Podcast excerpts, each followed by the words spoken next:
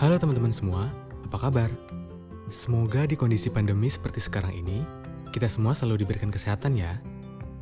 Oh ya, selamat datang di Podcast Rujak, Rumpi Pajak, bersama saya Paksi Kuntoro, host Podcast Rujak. Di episode kali ini, kita akan membahas tiga sistem pemungutan pajak yang ada di Indonesia. Tapi sebelum memulai, ada baiknya teman-teman follow dulu Podcast Rujak di Spotify agar teman-teman gak ketinggalan episode-episode terbaru dari Podcast Rujak. Tanpa berlama-lama lagi, mari kita mulai. Menurut pajak.go.id, sistem perpajakan adalah mekanisme yang mengatur bagaimana hak dan kewajiban perpajakan suatu wajib pajak dilaksanakan.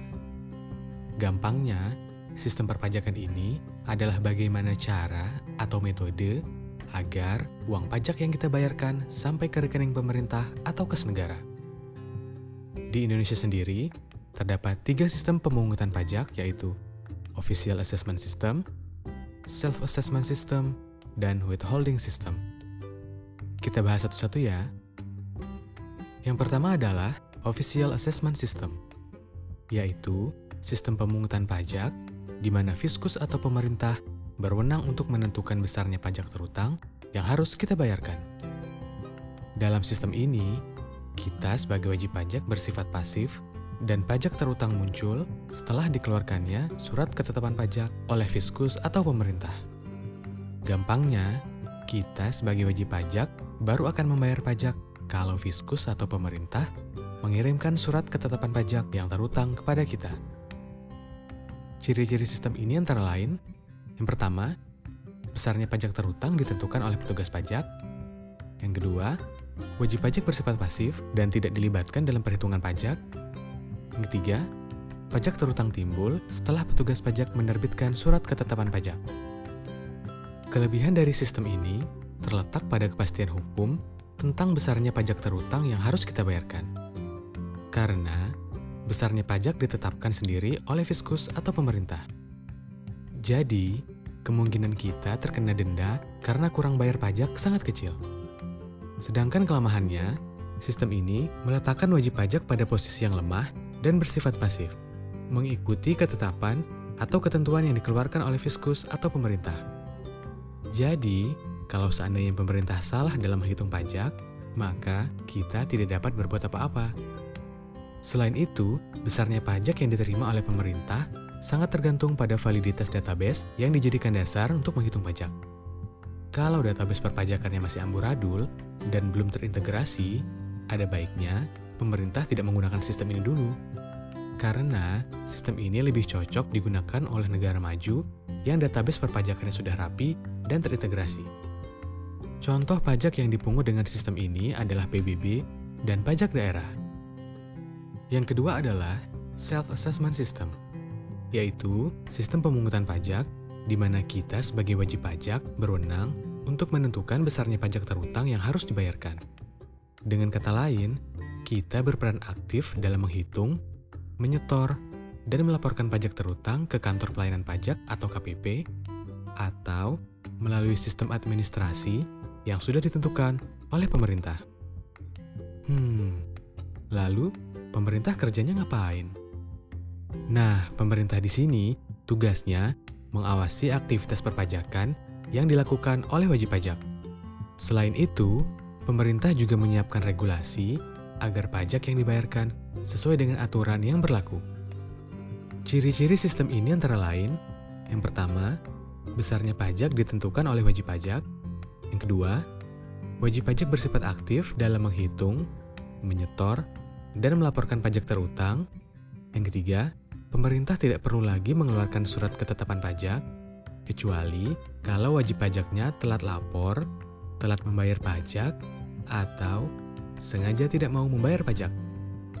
Kelebihan dari sistem ini terletak pada posisi wajib pajak yang lebih kuat karena mereka terlibat langsung dalam proses perhitungan hingga pelaporan pajak yang terutang.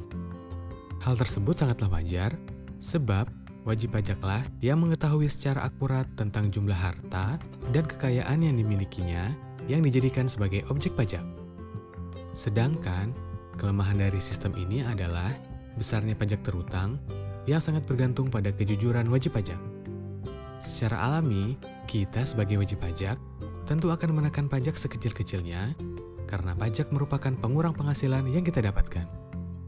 Selain itu, dalam sistem ini, kepastian hukumnya sangat lemah. Artinya, meskipun kita sudah aktif menghitung hingga melaporkan pajak sendiri, namun apabila pemerintah menemukan ketidaksesuaian pajak yang disetorkan, maka kita sebagai wajib pajak bisa dikenakan SKPKB atau surat ketetapan pajak kurang bayar plus denda 2% dari pajak terutang. Secara sederhana, apabila perhitungan pajak kita berbeda dengan perhitungan pajak dari pemerintah, maka kemungkinan kita terkena denda sangatlah besar. Contoh pajak yang dipungut dengan sistem ini adalah PPH dan PPN. Dan yang terakhir adalah withholding system yaitu sistem pemungutan pajak di mana pihak ketiga berwenang untuk menentukan besarnya pajak terutang yang harus dibayarkan. Ciri-ciri sistem ini antara lain, yang pertama, besarnya pajak terutang ditentukan oleh pihak ketiga. Yang kedua, kita sebagai wajib pajak dan pemerintah bersifat pasif dalam menghitung, menyetor, dan melaporkan pajak terutang. Dan ketiga, pemerintah tidak perlu lagi mengeluarkan surat ketetapan pajak, kecuali kalau wajib pajaknya telat lapor, telat membayar pajak terutang, atau sengaja tidak mau membayar pajak. Menurut BPPK Kementerian Keuangan, sistem ini dianggap memiliki beberapa kelebihan antara lain ketepatan waktu penyetoran, kemudahan, kesederhanaan, dan biaya pemungutan pajak yang lebih murah. Hal ini memberikan keuntungan bagi otoritas pajak karena secara tidak langsung, sebagian tugas pemungutan pajak sudah diwakili oleh wajib pajak sendiri. Sedangkan, kelemahan sistem ini terletak pada sisi wajib pajak. Sistem ini memberikan kewajiban untuk melakukan pemotongan dan pemungutan pajak. Dengan demikian, sistem ini menimbulkan beban administrasi tambahan bagi wajib pajak. Mengingat sistem withholding ini mengandalkan pihak ketiga. Oleh karena itu, risiko dalam sistem ini tidak hanya ditanggung oleh wajib pajak saja, namun juga pihak ketiga, yaitu badan atau orang yang wajib melakukan pemotongan pajak. Selain harus menyetor pajak dalam jangka waktu tertentu, ada pula risiko terkena sanksi administrasi jika melakukan kesalahan seperti terlambat setor atau lapor. Contoh pajak yang dipungut dengan sistem ini adalah PPh 21, PPh 22, PPh 23, dan PPh final 4 ayat 2. Oke, mari kita recap kembali tiga sistem pemungutan pajak yang ada di Indonesia. Yang pertama, Official Assessment System, di mana fiskus atau pemerintah yang menentukan besarnya pajak terutang. Yang kedua, Self-Assessment System, di mana kita sebagai wajib pajak yang menentukan besarnya pajak terutang. Dan yang ketiga, Withholding System, di mana pihak ketiga yang menentukan besarnya pajak yang terutang. Oke teman-teman, sampai di sini ya penjelasan saya mengenai tiga sistem pemungutan pajak yang ada di Indonesia. Terima kasih bagi teman-teman yang sudah mendengarkan, dan semoga penjelasan saya dapat bermanfaat bagi kita semua. Stay tune terus ya di podcast Rujak. Sampai bertemu di episode selanjutnya. See you!